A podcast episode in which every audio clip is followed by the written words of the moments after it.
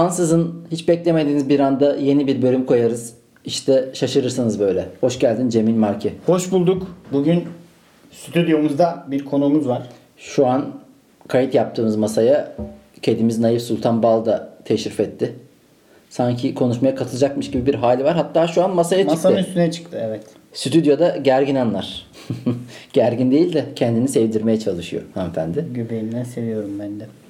Cemil Marki ne haber nasılsın?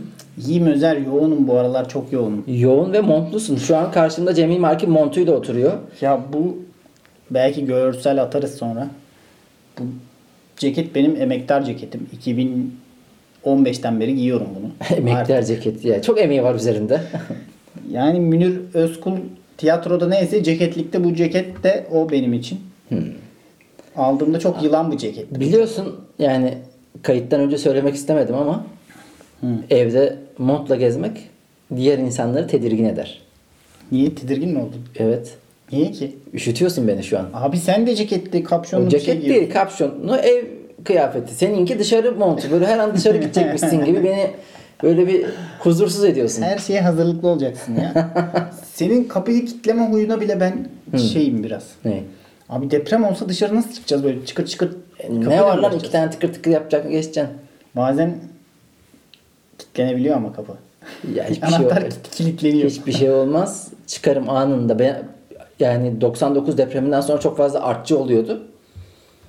Böyle ufak bir sarsılmada hemen apartman boşalıyordu. Hatırlıyor musun o dönemler? Ama sen Ankara'da mı? Ankara'da. Allah Allah. Ankara bayağı sallandı. An- Değil misin? Ben hiç hatırlamıyorum ya. Depremin olduğu gece bile ben yerde yatıyordum. Hı hı. Yazdı ya. Hı hı. Annemler böyle sokağa çıktı. Arabada yattı falan bir şeyler. Ben dedim rahatım ya burada. Yani gelmeyeceğim dışarı.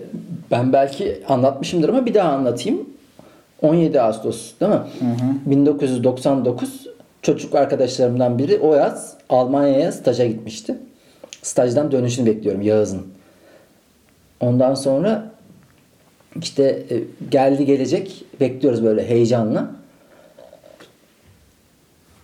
Akşam indi, bavulunu açtı işte. Biz hepimize, hepimize Almanya'dan hediyeler getirmiş. Bana eşofman üstü, eşofman altı, ayakkabı falan filan böyle çok neşeli bir ortam var. Gece işte 3 sularında ayaktayız biz. Elektrik kesildi. Kalabalık bir işte grup. Bu ben şey diyorum ya masayı sallamayın. Kedi dayağı yedi bu arada az önce. Ya böyle böyle yapmayacaksın. Şimdi burada bizim mikrofonumuza müdahale olursa poposuna çatı yer. La yersin. Şaplağı yersin. Kalabalık bir ortam ondan sonracığıma ben klasik bu depremde de çok olan bir şey. Sallamayın abi koltuğu şaka yapmayın. Sonra baktık olay ciddi çünkü biliyorsun o depremin en kötü yanı uzun sürmesiydi. Of. Ve akabinde ben herhalde bu daha ciddileşecek diye gittim. Yani çocuk aklı, aklımda benim bildiğim şey depremde masanın altına gireceksin. Buydu yani. Masanın altına girdim böyle namaz kılar gibi bir pozisyonda bekliyorum. Ondan sonra e, bitti deprem. Elektrik geri geldi. Bir baktım ben salonun ortasındayım. Masanın altında falan değilim. Nasıl yani? Masayı mı almışlar? Yani Masayı- Masa kaymış. Masayı bulamamışım ben ya. Yani karanlıkta gözüm görmemiş tam. Saçma sapan böyle hani Açık, nama, açıkta duruyorsun. Yani. şey gibi algılanabilirdi eğer depremde ölseydim. Hani Namaz e, kılarken namaz öldü. kılarken öldü diye böyle çok güzel beni. Hak etmediğin bir payeyle ödüllendirecek. Gördün. Cehennemde yanıyorsun belki. Burada namaz kılarken öyle Daha haber çocuktum ya. O zaman herhalde cennete gire- girerdim. Şimdi, şimdi de bilmiyorum da girerim belki de yani. Kesin konuşmayalım. O zaman kesin girerdim. o Şimdi zaman belki kesin, o zaman kesin girerdim de. bazı hatalar yaptık diyorsun.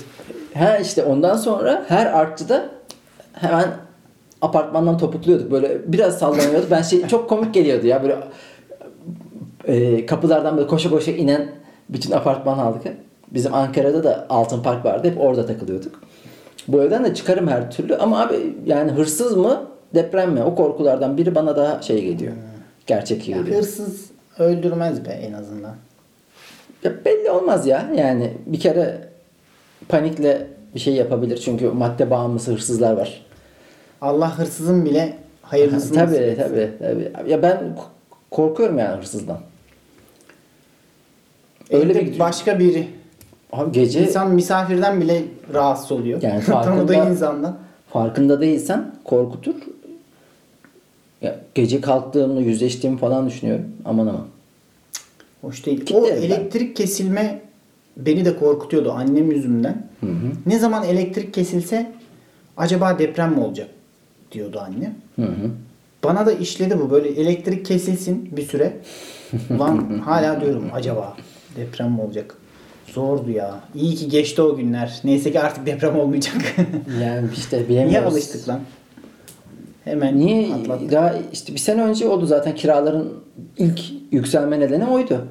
Bu tam herhalde İstanbul depremi için diyorum. Bir iki sene önce oldu. 2019'da Hmm. İki yıl oldu. önce 2000 Eylül'de oldu. Evet. E sonra İzmir depremi oldu. Üzerine insanlar yeni binalara taşınmaya çalıştı. Kentsel dönüşüm hızlandı falan derken bir bakmışız şu an barınamıyoruz diye hashtag açıyor Her çocuklar. şey aleyhimize işliyor ya. Böyle bir şey olamaz. Yani hiçbir zaman her şey kötüye, her şey iyiye gitmez. Şimdi bu bir dibe gidiyoruz gibi ama hani şu an bu arada biliyorsun bu arada çok borsayla ilgilendiğim için yani grafik aşağıya gidiyor ama bir direnç noktası olacak oradan da yukarı çıkacak ama ne zaman hangi şartlarda ne olması gerekiyor bunu Bu senle seviyelerden girilir mi bize Özer ne diyor? şu an girilmez. Şu an hala dibi gösteriyor da işte yani e, belli siyasi konjonktürel değişimler diyelim. Evet. E, genel konuşalım. Ve bir müjdemiz var. müjdemiz değil. e, beraber İbrahim Selim de bu gece de yazmaya başladık. Evet. Sen, ben, Özge Özel. Mustafa, Mustafa. Sağır. zaten oradaydı. Bizi e, Mustafa Vesile Sağır- olan Mustafa oldu. Almancı gibi ilk önce kendi gitti. Evet, sonra- Yerini sağlamlaştırınca bizi de aldırdı.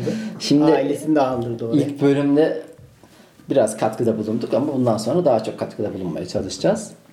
Program güzelleşecek yani. Biz geldik. Zaten güzeldi. Şu an bundan sonra da kö- kötü olursa bizden bilir. Direkt. Yani 80 bölüm yapılmış çünkü.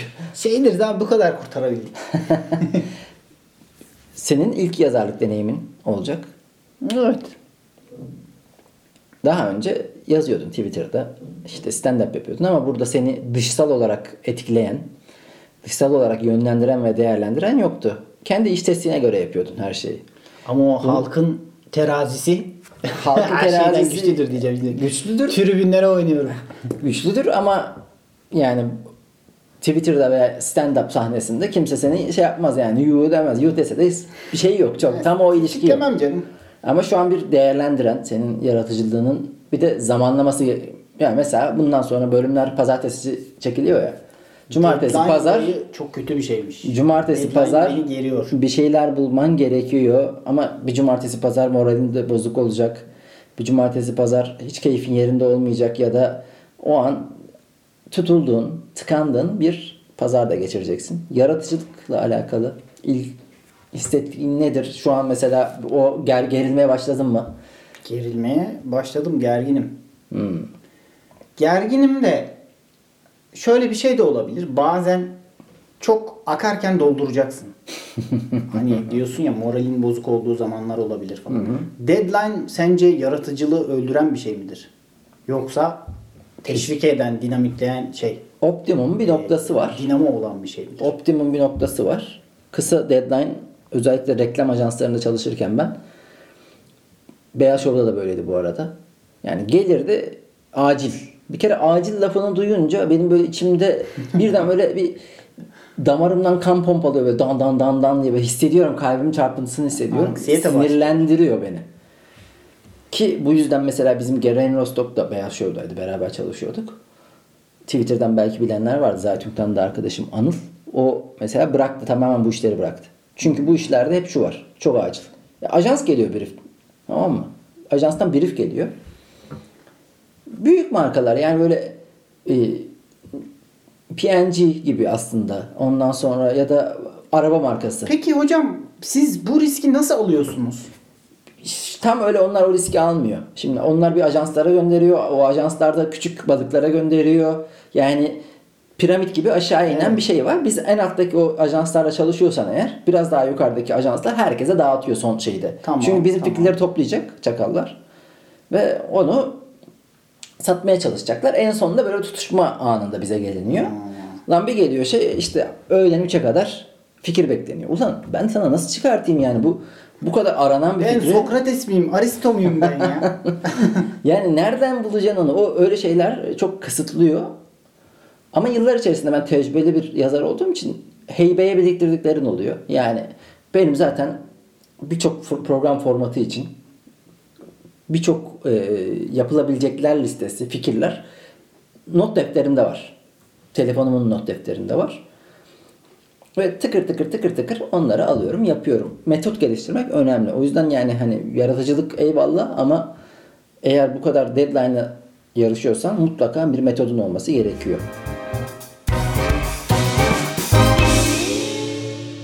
Benim düşünme sistemim şudur. O konuyla ilgili aşırı panik, stres, anksiyete, her şey. Böyle Ha, Allah bu briefly ya da işte şu, her şey olabilir. Şaka olabilir. İşte e, kısa süre içinde bulmam gereken bir fikir olabilir. Şaka olabilir. Yapacağım iş olabilir. E, mental bir süreç açısından bahsediyorum. Deli gibi gerilme.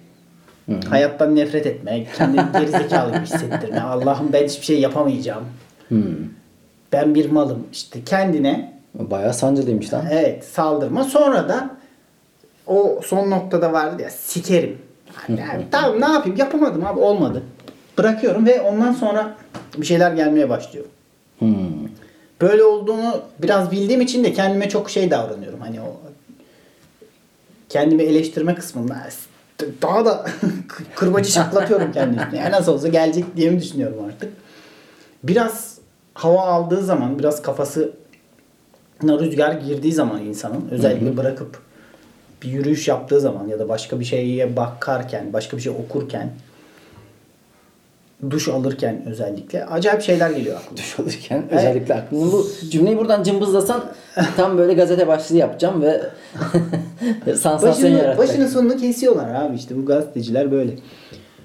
O yüzden eee, iki, iki etaba ayırabiliriz. Bir kendimi yükleme ve kendime yüklenme kısmı. İki boşalma. O rahatlama kısmı. Aa tamam lan bu olur olur demeye başlama. Ama onu her zaman yaşıyorum. Ya oturuyorum tam şimdi bak ilk defa sahneye çıktık ya böyle bir 15 dakika ilk çıkıyorum 15 dakika var mı bilmiyorum böyle bir 10 dakika var 15 dakika olur gibi de arada böyle 2-3 dakika acayip dolgu malzemesi var. Zaman geçireceksin. Evet. işte sonra bu şu an 45-50 dakikaya çıktı. Ama benim bu nasıl çıktığı konusunda hiçbir fikrim yok gerçekten. Oturup şey olmadı. Süreç içerisinde zorlaya zorlaya zorlaya, ittire zorlaya, tırmalaya içine sinen bir şey anca oldu. Ve ben hatırlamıyorum. ya şimdi tabii ki hatırlamıyorsun da beynimiz bizim taşlık bir yol gibi düşün. Ve çok sık gittiğimiz yollar aşına aşına patika oluyor. Artık orayı belliyorsun ve oradan rahatça yürüyorsun. Metot dediğim şey öyle gelişiyor zaten. Yani senin daha önce o bilmediğin taşlık olan yolda ayağını incittiğin e, durum değişiyor. Bir yol açıldığı için çok orası aşındığından dolayı o artık orada rahatça yürüyorsun ve o yolu daha kolay atlatmış oluyorsun. Sadece fikirlerin ipuçlarını bulup onları birleştirip Evet. Bağdaştırmak kafandaki kalıyor. e, bağdaştırmak kalıyor. O yüzden metot zaten yıllar içerisinde böyle oluşuyor. Dediğim gibi yaratıcılık e, kesinlikle geniş zaman, hassasiyet, ince düşünme, e, beklenmedik bir anda dediğin gibi oraya baktığın zaman olmuyor çünkü kafayı çevirdiğin an aklına gelebiliyor. İyi fikirler bence de hep öyle geliyor. Sabah kalktığımda birden ansızın Evet. böyle komik bir fikri bulduğumu hissediyorum, anlıyorum. Ama sürekli bunu endüstriyel olarak üreteceksen mutlaka o patika yolu bulman ve o patika yolda kolayca yapman lazım. Benim yöntemim mesela sen önce yükleme sonra boşalma diyorsun ya biraz ona benziyor. Ben hep e, komik bulduğum bir fikri iki kelime, üç kelime biriktiriyorum. Yani mesela şu an stand-up'ımda kullandığım bir karakteristik burun hikayesi var ya onun notunu sadece 2011 yılında şöyle almışım. Ekim'de hatta. Çünkü telefonuma aldığım ilk not. iPhone'da. İki, şey 2011'de direkt karakteristik burun yazmışım. Onu yıllarca kullanmadım. E sonra stand-up'ın bir yerine geldi. O artık benim biriktirdiğim bir şey kafamda onu ben onu ne yaz, yazarken ne kastettiğimi biliyorum karakteristik Evet, bundan. evet. Hiçbir şey anlaşılmıyor gibi ama ondan sonra artık o metodu ve yupatikayı oluşturduğun için rahatça kullanabiliyorsun. dallanıp budaklanıyor zaten. Ben de sana söylemiştim hatta bunu. Telefonda şöyle bir not var. Bir de ben konuşayım abi istersen. Bunun üstüne bir hikaye kurulabilir demiştim sana. Mesela adam kovulmuş o gün arkadaşı. İş arkadaşın kovulmuş. Ne oldu abi ya hayırdır toplanıyor masayı topluyor falan. Ya işte işten ayrılmam gerekti kovuldum. Ben diyorum ki bir de ben konuşayım istersen patronla. Gidiyorum ben konuşuyorum. Sonra geliyorum diyorum ki abi sen galiba tazminat da alamayacaksın. Yani bu bir şeye yol açıyor anladın mı? Orada bir cümle Evet. geliyor aklına üstüne bir hikaye bina edilebiliyor. Ama tabii işte yaratıcılıkla alakalı diğer bir problem de gene aynı metafor. Ben bir metafora tutulunca da devam ettiriyorum. Bu aralar çok fazla stand-up'ta balon metaforunu kullanıyorum. Çıkışta çocukları yakalayıp balonu şişirtiyorum. Evet, ben de hep şey diyorum ya aynı 20 yaşların başındaki çocuklara böyle kayayı uçuruma doğru iteceksin, iteceksin böyle. Sonra tam ucuna gelince böyle topunu vereceksin falan diyorum. Çocukların kafası sikildi. Hep aynı örnekler. Sarhoş olup olup Ya muhabbet dönüyor. açılıyor. Ben o metafor cuk oturuyor. Neyse onu başka bilmiyorum anlattım burada da. Neyse anlattım anlattım daha önce anlattım. Şimdi bu patikayı yolu yapıyorsun ya. E tamam bu patika yol sana kullanışlı, konforlu bir alan veriyor. Ama yeni bir yol açacaksan eğer başka taşlık alanı da e, yol geçirmen lazım. Buraya da yol Ee, yapman lazım. Hep aynı patikadan gidip duramazsın. artık. Anlaşılır. Çünkü karşı taraftan seninle o aynı patikayı kullandığın ve kolaycılığa kaçtığın fark edilir. O nedenle başka bir şey yapman gerekiyor. Bir kusursuzluk konusuna da girmemiz lazım. Evet. Çünkü benim yaratıcı işlerle ilgili mesela seni hatırlarsın stand-up yapmaya başladın biraz e, demotive eden insanlar olmuştu. Hatırlarsın. Evet. Ben ama motive Kendi ettim de, seni. kendi de stand-up yapan insanlar. Evet. Çünkü aslında senin bu işlerde e, şimdi o, o günden bugüne gelmene sebep olan şey neydi biliyor musun? Kusur işlemekte yani kusurlu olmaktan korkmuyordun. Zaten ilk sahneye çıkışın öyleydi. Evet. Ama benim kusursuzluk takıntısı olan arkadaşlarım hiç sahneye çıkamadılar belki. Hep böyle kafasında konuşur işte şöyle anlatırım bunu yaparım. Dinlediğim böyle kendi setini anlatan evde bana ama asla sahneye çıkmayan insanlar var. Sen mesela e, ilk deneyiminde hatta hatırlarsan ulan diyorum yani bu ne rahatlık yani bugün sahneye çıkacaksın adama diyorum çalıştın mı Cemil Merki? Baktım işte ya falan diyorum. Yani sanki öyle bir e, uyduruk bir dersin finaline girecekmiş gibi bir rahatlık. Sana ne oldu? Patladım ama. Ya işte o kusur e, o gün sı- sıçtın ama neticede kusurlu olmaktan korkmamak seni e, oradan alıp buralara Evet. kadar getirdi. Zaten böyle ben şeye dikkat ediyorum. Arkadaş ortamında çok alfa, anlatıcı, anı anlatıcı, komik insanlar sanki sahnede de komik olabilecekmiş gibi gelir insana. Ama öyle değil. Nerede böyle arkada sessiz kalmış. Böyle bir şey söyleyecek ama siktir et yani. Hatta o bir şaka yapar. Ben sana diyordum ya. Bir masada ben kısık sesle bir şaka yapıyorum. Aynı şakayı masanın alfası yüksek sesle yapıyor. Herkes ona gülüyor. Böyle insanlar daha iyi hikaye anlatıyor. Daha komik şeyler anlatıyor gibi geliyor bana. Çünkü dediğim gibi topluluk karşısına çıkıp bir şey anlatmak bu e, insanın benliğine müthiş saldıran bir fiil.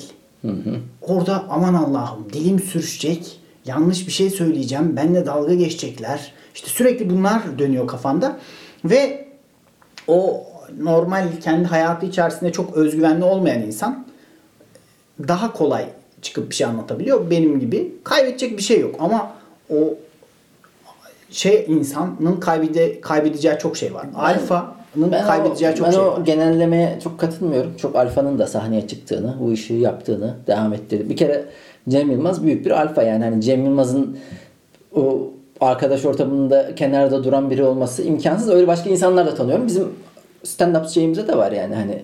Bilmiyorum ben, Ee, ben gayet- daha oturuyor gibi geliyor. Ya var muhakkak onlar da var. Yani o çok bir genellemek Şöyle şey bir değil, şey var doğru Cem değil. Yılmaz örneğinde. Biz adamı alfa olduktan sonra tanıdık. Yani Ya başka birebir şu an hani tanıdığım hani isim vermeyeyim de arkadaşlarımız neticede. Yani çocuk gayet normal. Arkadaş ortamında da normal. Yani direkt bilmiyorum hani yüzdesi vardır muhakkak eğer çıkartırsan da tek şey o değil. Bir kere zaten ben bu işi yaratıcılıkla alakalı işlerde söyledim. Stand up bu yenisi ama ben, ben arkadaşımı bir yazı işine yönlendirmeye çalışıyorum. Ve o yazı işi de aslında o kadar atla deve değil. Biliyorum. Normalde onun yazıp yollaması lazım. Geliyor şöyle oldu mu diyor, böyle mi diyor, bak buraya böyle bir şey düşündüm diyor. Burasını en sonunda abi içimden şey diyorum. Ya siktir git abi şunu yolla da kurtul. Aynen. Çünkü yani bu bu kadar düşünülecek bir şey değil ama o o kadar ince eliyor sık dokuyor ki ve kasıntı bir yazı çıkıyor. O yüzden bir şey üretirken zaten mesela e, Sitfield'ın senaryo kitabında da Sitfield bir senaryo yazarı olmaya çalışan bir adam. Öyle başlıyor piyasada. Fakat ne yazık ki pek iyi gitmiyor senaryo yazarı olarak. Bir şekilde adam stüdyolarda senaryoları okuyan adam oluyor. Yani bu geliyor değerlendiriyor senaryoları. Ve bir yerden sonra tekrar senaryo yazma işine giriyor. Şunu fark ediyor. Diyor ki ulan eğer ben bir şey yazmazsam elimde düzeltilecek bir şey olmaz. Yani en azından bir şey olması lazım ki iyi veya kötü onu daha iyi hale getireyim. Ama bütün gün bu iyi miydi, bu böyle miydi, bu böyle olur mu olmaz mı diye boş sayfa kalırsa boş sayfada durursun. O yüzden mesela yaratıcılıkla alakalı işlerde ki ben de öyle çok yaparım. Sıkıştığım an, sıçtığım an ne yaparım biliyor musun? Klavyede elime geleni yazarım. Aklımda geleni yazarım. Evet. O beni bir şeye aç, açmaya götürür. O yüzden abi işte e, şey yani o kusursuzluk özlemi kusursuzluk özlemi çok insanı ket vuran bir şey. Mükemmelliyetçi insan hiçbir şey üretemez. Bu dediğin şeyin aynısını Cemil Meriç'in bir röportajında ya da kitabında okumuştum. Ben de o kadar güzel romanlar okudum ki böyle 19. yüzyıldan, 20. yüzyıldan yazmaya cesaret edemedim. O da- o da, evet. altında kalmasın diye. Yani hiçbir şey yazamazsın. Çünkü büyük ihtimalle onlardan daha kötü bir şey yazacaksın ama yaza yaza daha iyi bir şey de O ortaya çıkabilir. zaten kusursuzluk ya da mükemmelliyetçilik denilir biraz da. Narsizmden kaynaklı bir durum. Yani kendisi o kadar mükemmel bir insan ki ürettiği de mükemmel olmalı. E, Diğer mükemmel eserler arasındaki en mükemmeli olması gibi bir durum. Hayır abi ben vasat olabilirim. Sahnede de yaptıklarımla da vasat olabilirim. Bununla barışıp barışmamak önemli. Evet. Ben barışayım. Yani ne yazıyorsam ne yapabiliyorsam. eleştirilme ile yüzleşmeyi Aa bak. Bak bilmen gerekiyor. İşte mesela ben yıllar içerisinde otokadı çok yediğim için çünkü bir fikir sunuyorsun. İşte beyin fırtınası süreci. Yani ilk başlarda harbiden fikrinin e, çöpe atıldığında böyle e, kem küm siniri olabiliyorsun da sonra artık bu o kadar otomatiğe bağlıyor ki o yüzden mesela öyle bir ortamda her zaman ben fikir sunarım. Olmazsa da olmaz. Sen bilirsin noktasındayım. Evet. Dayak arsızı oluyorsun. yani. Ya, her dayak gibi gelmiyor aslında. Ars, dayak arsından. Dayak değilmiş sürecin Evet. parçası. Sürecin bir parçası. Bana da annem bu konularda 25 yaşına kadar hiçbir şey söylemedi. Sonra dedi ki seçkin bir şey yapmak istiyorsan, içinde bir şey varsa sen yap.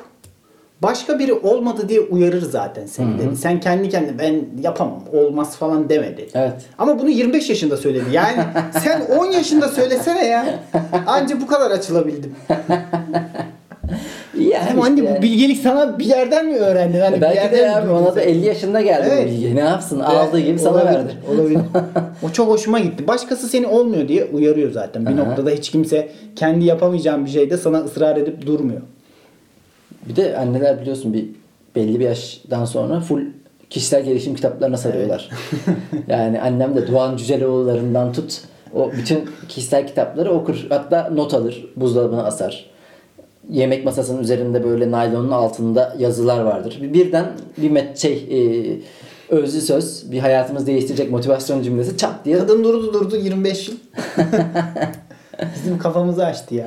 Ya doğru demişti. Yani aynı şeye geliyor. Bir şey yapman lazım ki ondan sonra onu daha iyi yapasın. Yani sen o gün çıkarak sahneye kötü bir Bir adım attık. kötü bir sahnen var diye ondan sonra yavaş yavaş üzerine hatta benim mesela bazı şakalarda öyle oluyor biliyorsun.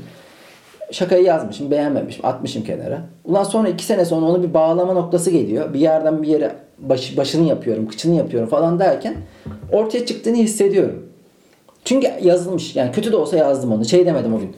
Abi Olmadı. olmadı. Sileyim O bunu. silinecek zaten. Ya beyinde hiçbir iz bırakmayacak.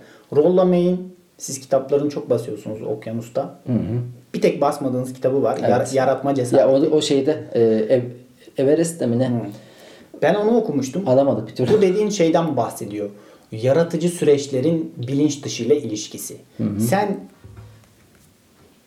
o fayansları döşemeye başladığın zaman karoları bölük bölçük bir şey yapıyorsun başta. Ve onu bir kenara atıyorsun. Sonra beyin bilinç dışı ya da neyse bir yerde o makine çalışmaya devam ediyor o konuyla ilgili. Sen bunun bilincinde değilsin. Sonra bir anda diyorsun ki aa bu buraya olur. bu buradan bağlanır, bağdaşır. Kesinlikle. Sonra bir bakmışsın saçma sapan alakasız şeyler bir araya gelip bir bütün oluşturuyor. Ya zaten beynimizin Çok zevkli bir şey değil mi bu? beynimizin yüzde onunu kullanıyoruz gibi bir şey var ya hani bilinç olarak. Bu bizi aslında delirtmemek için. Çünkü yüzde doksanı beynimizin diğer farkında olmayan kaydettiği ama sonra da e, yani sonra kullanılmak üzere kaydettiği ama farkında olmadığın şeyler. Aslında hepsini kullanıyoruz. O açıdan bakın. Ya işte bazılarına kullan ya tam belli olmuyor da o hani al- alıp almama önem sırası çünkü siliyorsun bazılarını zaten. O da kullanıma dahil ama yani silinmeye değer Evet, verilen evet. şeyler de siliyor. Bu da bir işlemdir. Neticede gün içerisinde biz kaç yıl yaşıyorsak yaşadığımız süre içerisinde %90'ı o full bilgiyi alıyor. Deli gibi bir şey var aslında yani terabaytlarca. Sadece işte küçük bir kısmını kullanarak bilinçli. Sadece bir güzel bir kurgucu lazım. Nuri Bilge Ceylan gibi bir kurgucu lazım. Başına oturup Evet, evet. Beyin inanılmaz bir şey ya. Yani hani Benim de ha- çok şey. hala da çözülememiş tam olarak. kurgu okumanın önemine dair bir şey okudum. Hmm. Böyle teorik, böyle sırf bilgi üzerine değil de kurgu okumak nöronlar arası bağlantıyı Hmm. her an her yaşta geliştirmeye devam ediyor. Ben hep kurgu okurdum. Bir yaşa kadar yani bu bir yaşta dediğim hani 3-5 sene öncesine kadar bilgi ondan sonra böyle sıkıcı gelirdi bana direkt. Çünkü şey gibi hissederdim. Ulan hiçbir şey aklıma kalmıyor Evet, zaten. evet. Bari Ya kurgu okuyayım o beni ta- tatmin etsin diye. Teori kısa süreli öğretir ama hikaye kavratır. Mesela ben burçları bilmiyorum sırasını. Onu bir hikayeye göre işte aslan kovaya düşmüş sonra şey olmuş falan. Öyle bir hikaye yaptığın zaman hepsini patır patır sıralarsın. Evet. Şu an o hikayeyi de unuttum ama hikaye Ben hiç kavratır. bilmiyorum onu zaten. Ama zaten dediğinde haklısın. Ee, bi- bilgiyi bilinçli olarak bilmiyor olabiliyorsun ya. Evet. İşte e, mesela bildiğini bir, bilmemek. Bir adam 1920'li 30'lu yıllarda beyninin bu diğer kısmını da kullanmış şey dolayısıyla hastalık dolayısıyla bir savaş şey yani arkadan geliyor şey kurşun bir, bir yerini etkiliyor hani bu olayların döndüğü yeri etkiliyor adam her şeyi aklında tutuyor ama delirtici bir şey ve anlayamıyor yani her şeyi aklında tutuyor ama normal anlaması gereken şeyi bile geçiremiyor. süzgeçten geçiremiyor. Yani bilincin o küçük olmasının nedeni istediğin kısmı bir süzgeçten geçirebilmek, yorumlayabilmek, hikayeleştirebilmek. Yoksa adam şeyi tutuyor. İşte bilmem kaç basamaklı e, sayıyı tutuyor aklında tam olarak. E, ya da kitabı okuyor diyorsun ki işte 68. sayfada 44. satır. Evet. Ama Çat belki söylüyor. de bir mukayese yapamıyor, yorumlayamıyor. Yok zaten hiçbir şey yok. Yani sadece Adam o ezber. data canavarı olmuş, bilgisayar olmuş aslında. Yorum yapamıyor, Evet, sadece önüne evet. getiriyor bazı şeyleri. O yüzden beyin harbiden insanı delirtir. Evet ya. Çok garip bir şey. Mesela trafik kazası geçiriyorsun. Beynin hasar görüyor, darbe alıyor ve inançların değişiyor. Tabii. dindar bir insan gayet özgürlükçü birine dönüşüyor. Değer yargıları değiş- değişiyor. Abi bu o zaman ruh diye bir şey yok mu? yok yani. Ama yani bize aktarılan bir bilinç var. Bu toplumsal bilinç. Kümülatif olarak geliyor. Evet. Yani sen şu an kaç yaşındaysan o yaşta değilsin aslında. Hani şey esprisi var ya işte buna 50 lira mı alıyorsun? 5 dakika uğraştın. O daha Evet. 30 30 artı 5 dakika uğraştım. Yani şu an biz bir medeniyet artı yaşımız kadar yaşadık. O bilgiler bize toplanarak geldi, sınıflandırıldı, detaylandırıldı. Ee, sana yüklendi. İnanç da aynı şekilde. O da işte e, tüm pagan dinlerinden daha öncekilerden hepsi bir şekilde arıtılarak arındırılarak ge- getirildi. Sana aktarıldı. Sen onu kabul ederek ya da işte etmeyerek yaşıyorsun. O bilincin Devam ediyorsun. bilincin şey yaptığı yerde yani kelime bile beni mesela düşündüğünde çok şaşırtır. Na- nasıl yani? Ulan şu an her bir şeye bir isim, kelime, seslenme biçimi atfedilmiş ya. Her nesneyi, her kavramı sembolize etmişiz. Ha? Yani bunu abi bunun oluş süreci çok Mükemmel, şey. Mükemmel, yani- İnsanların götten uydurduğu şeyler harikadır zaten. Ya mes- Dil, matematik, müzik. evet. Niye abi? Niye sistematikleştirdin bunu? Ama hepsi aslında dil. Değil evet. Yani matematik de bir Kod dil. Deniyor ya buna. Yazılım dili. O sistematik hale getiriyor. Müzik de bir dil. Yani o onu şey yaptın mı o müzikçe konuşabiliyorsun. Matematikte konuşabiliyorsun. İşte o dediğin yani taşa bir şey seslenmek akla gelir anladın mı? Hani o gene ilk ilk olanlardır. Hani bu taş, ı, ı, ı, taş falan buradan çıkmıştır belki. Ama mesela duyguları falan iyice böyle Evet. şey yapmışlar. abi. Kavram üretiyorsun. Evet yani hayal kırıklığına uğramak. Ha, bunun abi nereden buldun da ondan şey sonra istiyordum. Olmadı. Ha. Üzüldüm. Hayal etmiştim.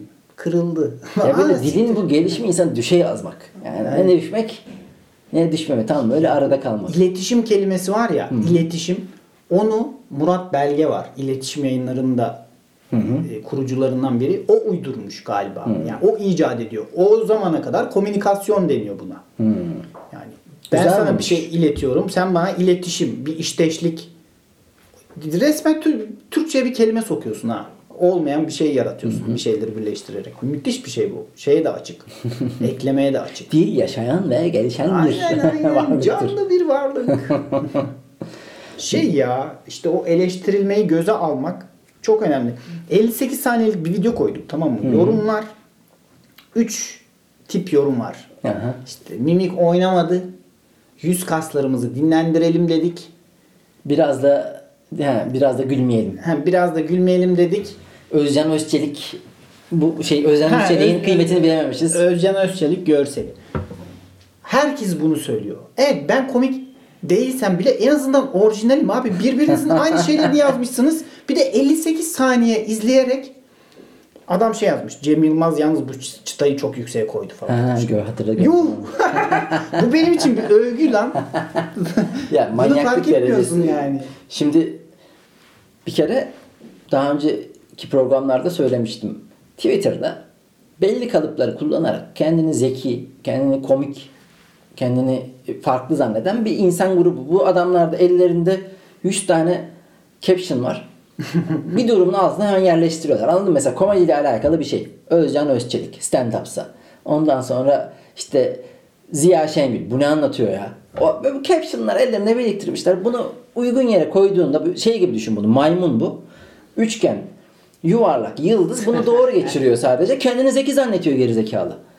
O kadar yaratıcılıktan uzak, o kadar basma kalıp, o kadar standart ve yani üzülüyorum bir yandan kompleksli bir şey yapan insanı böyle aşağıya çekmeye çalışan bir kalabalık bir güruh var. O zaten bir insanı yoruyor. Onun dışında da yani hani e, komediyle alakalı çok iddialı şöyle söyledikleri şeyler işte Cem Yılmaz bu çıtayı çok yükseltmiş. Ondan sonra işte e, heh, mesela sana gelen yorumlardan biri. E, sırayla çıkıp aynı şakaları mı yapıyorsunuz demiş. Instagram'da biri. Böyle bir şey Bu şaka mi? yani taksi şakası yapmış mesela Seda. Sen de taksi şakası yapıyorsun. Ya bu kadar işte mesela az önce kayıttan önce konuşuyorduk ya. Türk insanının çok zeki olduğunu düşündüğümü söylemiştim sana ama eğitimsizlikten dolayı ne okuma ne de izlediğini, duyduğunu anlama kabiliyetleri var. Abi bambaşka iki şeyden bahsediyorsun. Ya tamam sen, tamam konu aynı. Bambaşka iki şaka. Ya sen bunu nasıl ve bir de şey yazmış altına. Cümle cümle aynı. Birebir aynı yazmış. Birebir- ya Abi bir kere bu, bu şakayı ilk yapan bana demez mi ya? Heh. Sen ne yapıyorsun? Bu benim şakam demez mi? Ya böyle çok komik diyeyim absürt derecede iddialarla onu ama yazma amacı ne gerçekten? Yani neden? Benim bir aklıma gelen Kavrayışı eksik işte. o öyle o öyle de bu başka yerlerde olmuyor. Komedide oluyor. Niye? Şimdi benim mesela profesyonel olarak yapıyorum ya bunu. Bana gülün gülmeyin. Umurumda değil. Ben 10 yıldır vergi e, Fatura kesiyorum fatura kesiyorum. Bunun için ajanslardan işte e, prodüksiyon şirketlerinden, televizyon kanallarından para alıyorum. Şimdi somut olarak ölçülebilen bir şey değil. Komik mi değil mi diye. Yani tartışırız sabaha kadar ama somut olarak ölçülebilen şeyler. Faturalarımı Fatura- gösteririm size. Ha, faturalarımı göster- gösterebilirim size. Tamam mı? Ee, ne diyecektim? Bir de senin her zaman dediğin bir şey var ya. Bir insan bunu yapmaya devam edemez. Ha, o ayrı, o ayrı bir konu. O ayrı bir konu. Ee, heh. Şuna şunu diyecektim. Hepimiz gülebiliyoruz ve hepimiz espri yapabiliyoruz ya. O yüzden hepimiz komedi ürünüyle alakalı Bir fikrimiz var. bir fikrimiz olabileceğini düşünüyoruz. Halbuki, halbuki az önce dediğimiz yaratıcılık konusuna geri dönelim. Dedim ya orada. Sen orada bir patika yaparsın. O senin yolun olur. Defalarca gitmişsindir, gelmişsindir. O yüzden sen onu yapabiliyorsundur. O yüzden bu pazar sen saat 9'da dosyayı verecek misin, vermeyecek misin? O senin çizdiğin patikaya bağlı. Herkes komik olabilir. Tabii ki herkesin bir tane eniştesi vardır. Aşırı komik matrak adamdır. Masada herkesi kırar geçer. Herkesin bir tane çocuk arkadaşı, sınıf arkadaşı, işte e, iş arkadaşı vardır. Adam çok komiktir, yerlere yatırıyordur. Hatta sen de onu gaza getiriyorsundur. Abi sen de bir şeyler yap diye. Eyvallah. Öyledir zaten. Benim de var. Benim çocuk arkadaşlarım Çok komik. benden komik ve çok güldüğüm insanlar. Yani Aslı'yı tanıyorsun, kız kardeşim. Evet. Komik.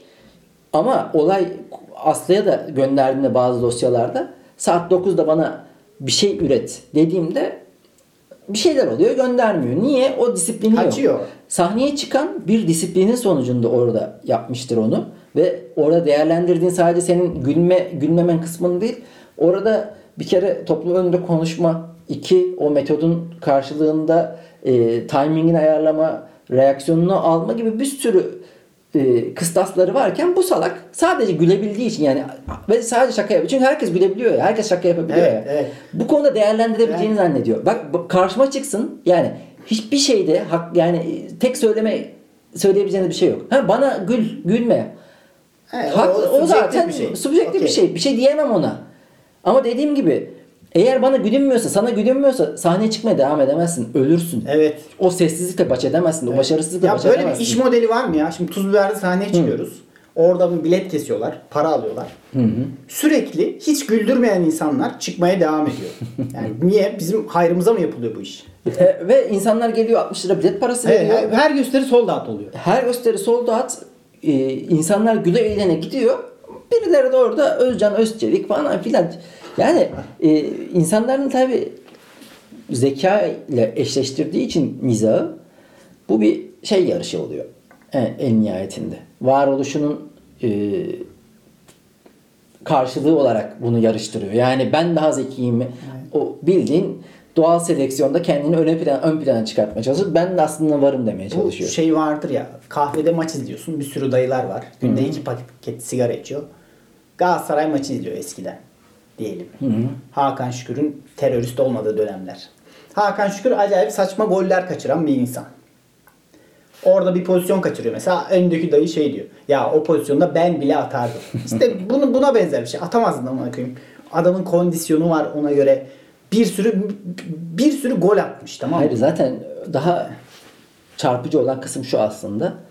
Ben bile olsam diyorsun ya abi Galatasaray forveti olmak, Beşiktaş forveti olmak şu an Türkiye'de profesyonel 10 bin tane futbolcu vardır amatöründen ikincilik, birinci ligine kadar. Orada olan forvet sayısı 2 veya 3. Bir kere sen orada olamıyorsun işte. Yani iki tane, üç tane adam oluyor ve olmaları için onlara yılda 3 milyon euro veriliyor. Çünkü orada olmak için 12 yaşından itibaren eğitim alıyor. İşte aynı onlar da bizim gibi başka paternleri ezberliyor. Başka hafızalarını aldıkları şeyler oluyor. O yüzden orada oluyorlar. Sen bir anda orada olup o an gol atabilirsin. Eyvallah da O an orada olamıyorsun işte. o an orada ve hiçbir zaman da orada olmayacaksın. Sahne içinde öyle. Aa, Bir sürü yazan insanlara söyleyeyim. Sahneye çıktığınızda kem küm edip ağzınız altınızı Ve herkes de bekliyoruz. Buyurun açık Ha. mikrofonlar. Diyoruz yani. Ve- makul bir ücretle gelip kendinizi deneyebilirsiniz. Bakalım mimik oynuyor mu? Yüz kasları dinleniyor mu? Ve ne, ne, ne kadar çok sahneye ilk çıkan insan gördük neticede Evet. bu 3 yılda. ilk çıkıp da böyle yardırdı ve 10 sahnesi çat çat çat geçti. Kimsenin olmuyor ya. Kimsenin. Yani The Special One diye bir şey yok bu işte. Bu işlerin doğası da böyle. Beğenenlerle yola devam. Ya herhalde öyle canım da yani onlar ne kadar ortaya konulmuş bir işe e, yorum yapmakta özgürlerse Evet, biz de onların, biz de onların yorumları hakkında da konuşabiliriz. Yani sürekli mesela bu görmezden gelip abi seyirci istediğin der demiyorum ben yani. Şöyle insanlar görüyorum bak şimdi 30 Ağustos oluyor ya da 29 Ekim oluyor. Atatürk, çağdaşlaşma, paylaşımlar işte bilimsellik, hayatta en hakiki mürşit ilimdir, kadın hakları. Böyle insanlar var. Ya Seda bir ya da Çağla kadın komedyen tırnak Aha. içinde bir video paylaşıyor. Alıntılayıp kadınlar abi cık, yapamaz. Yapmasın. Kadınlar olabilir. Kadınlar kendileri bile. Kadınlar diğer kadına. Kadın yapamaz. Kadın yap- Neden abi genetik şey mi? X kromozomu ile ilgili bir sıkıntı mı var? Bunu açıklayın bilimsel ol- olarak. Böyle bir kanıt yoksa elinizde kadınlar da yapabilir. Üzgünüm. Kötü bir haberim var ve artık o Atatürk fotoğraflarını paylaşmayın. Yani madem o kadar çağdaşlaşma falan. Ulan 2021 yılında kadınların herhangi bir şey yapamayacağını iddia ediyorsun ya. Sen kafasız bir insansın baya. Ya bu zaten söylemeye de insanın aslında erindiği, Zul- zul, zul geldiği yani. konu. Oraya oraya kadar da girmek istemedim ama Çağdaşlıklarını, o arkadaşların çağdaşlıklarının hepsini iptal ettim. Baştan çağdaşlıklarınız düşür, düşürüldü. düşürüldü. Baştan başlanması lazım. Bir bire gitmeleri lazım. Ya işte abi şey yapacaksın. Ya mesela yeni Gerçi bu konuda da aynı hadsizliği yapıyorlar ya. Neticede aşı karşıtlığı da böyle bir şey. O zaman hayatta bilimle yani o konuyla alakalı hiçbir şey bildikleri yok. Alıyorlar. Aa böyle şöyle diyorlar. Ne biliyorsun abi sen? Ne yani, yani hangi fikri üretiyorsun ya? Ziya Şengül'ün de dediği, dediği baba biz ne izliyoruz ya?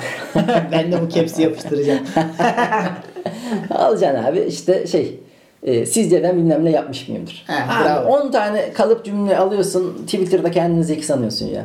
Ki yani bu arada öyle bile olsa e sen ben abi zaten hani Twitter'da nihayetinde gene ispatlanabilir bir şekilde kendimizi kanıtlamış oluyoruz anladın mı? Çünkü bunun da somut kanıtlanma şekli takipçi sayısı. hani neticede orada da sen daha e, eğer oysa konu kalıp olmadan işte insanların senin yazgana değer verdiği için takip edilesi bulun- bulunmuşsun. Hani orada da bir şeyin yok ama işte Bunları bitireceğiz. Çarpışa çarpışa e, bitireceğiz. yok yani gerçek hayatta birebir masada konuşurum da hiç internette yazış, Ya, yazmam öyle şey. yazışılmaz canım. Ama Evet. gelsin yani karşıma bir de anlatsın neyin neyi komik olduğunu ben de onu anlatayım. Bakalım ne diyor ne çıkıyor ortaya. Ee, gündemdeki konulara bakalım istersen birkaç tane. 43 dakika olmuş. Son işte zaten ama biz gündeme de değinmezsek olmaz. Full bugün şey, Gündemdekiler. tematik gittik aslında. İyi bu da güzel. Barınamamaya falan değindik. Barınamamaya Art- değindik artan sadece. ev kiraları. Bir 25 Eylül'de Muaf Komik Günler konseri var. 3 sene mi oldu lan? Bir Ben- şey diyeyim mi? Ben konserde ne yapılıyordu unuttum ha. Dinleyeceğiz mi? Dans ediliyor mu? Bir şey içilir mi? Konser adabı gitti bende. Ya- Yandan böyle hani düğünlere kız bakmaya gelen köyün gençleri oluyor öyle. Mal gibi takılacağım arkada. Ben de özledim konserleri ama en çok da komik günler Komik konserini Günler, özledik. Maskeli mi duruluyor içeride bilmiyorum. Gerçi ben Maskeyle yani- durulmaz abi. İçki falan içilmesi gerekiyor. durulmaz abi. Maskeyle çıkmam evet abi. yani. Gerçi o kadar çok biz seninle kalabalık ortama girip çıkıyoruz ki herhalde yani aşının güvenirliği ispatlayan yegane insanlarız bu konuda. Yani geçenlerde bir konsere gittim işte orada 750 kişi vardı. Gene maskeyi çıkardım yani içki içerken falan filan. Bayağı da Evet. ya bir şey oluyorsa bile artık fark etmiyoruz da. Allah razı olsun ya bulanlardan. Erdoğan Amerika'ya gitti. Orada bir Türk evi açıldı. Evet. Son 500 yılın en büyük diplomatik başarılarından biri. Ama ABD başkanı da randevu vermemiş. Öyle de bir tatsızlık oldu. Bugün de en son zaten şey oldu. Hmm, Biden'la iyi başlamadık diye açıklama yapmış. İyi başlamadık. Çıkar oyuncu değiştir o zaman. şey demiş, e, biz Bush'un oğluyla iyi anlaşıyorduk. Ondan sonra Donald Trump, Obama'yla da iyi anlaştık. Abi üç tane orada başkan değişmiş ya. Sen hala aynı evet. değerlendir- Belki de değişmesi gereken sensin artık. yani adamlar orada denemiş. Bir masadan kalkman gereken zamanı bilmen gerekiyor bu aynı şey. yani bu iş var. O- Obama var. Abi Berlusconi gitti. Bir sürü saçma sapan adam gitti. Senin dönem arkadaşların mezun oldu. Sıkılırsın. Ben de üniversitede de bak öyledir. Dönem arkadaşlarım mezun olur. Sen kalırsan çok sıkılırsın ya. Bizim öyle arkadaşlar 11. yılda bitirdiler okulu. 11 yıl nedir ya? Tekrar birinci sınıftan başlamış gibi. ya kitabı işte e, Times Square'da reklam yapılmış. Onu da işte bir günlük masrafı 5000 dolarla 50 bin dolar arası. Aman Allah'ım. Yani bir tane şey gördüm yani o kadar çok müsriflik yapılıyor ki artık bu küçük geldi gözüme. Hani, ne olacak lan? Bunları biz adisyona yazmıyoruz bile. 50 bin dolar ne olacak ver. Yapıştırın abi. Keyfiniz, Ama onun da olsun. kitabın da çevresini şeyin kitabın orijinal ismi ne ki bu arada? Daha adil bir dünya mümkün. Hmm. Kitabı da bizim Twitter'dan Çatay diye bir arkadaşımız var. Şu ana kadar bir tek o okudu galiba. ne çıkarttı mı yazıyor mu? Şey paylaşıyor mu bir şeyler? Paylaştı bir bok yokmuş yazdı sadece. O kadar detaylı analize girmedi. Şey konuşmaların aynısı diyor. İşte Ha. böyle. Klasik bir e, bir yerde uzun konuşacaksa onun aynısını kitaplaştırmış. Kitapta da şey gibi ama yani hani kitabın ismi devam edecekmiş de tam bitmemiş gibi yani daha adil bir dünya mümkün ama hayatta da olmaz. ya biraz da hatta hakarete O şey de varan bir şey ya. e, Solcuların bir şeyi vardır. Başka bir dünya mümkün. Hı hı. Oradan arak biraz daha adil bir dünya falan filan. O bile biraz arak da şimdi.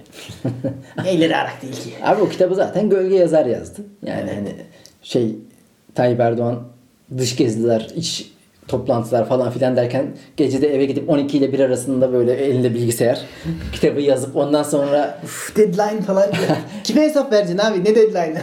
sonra Emine Hanım geliyor diyor ki yazacaksın. Kötü bile olsa yazacaksın. Sonra birisi olmazsa sana olmaz der. Düzeltmeleri yaparlar. Düzeltmeleri yaparlar der gibi bir şeyler yaşanmamış tabii ki. O gölge yazarlıkta güzel para var bu arada.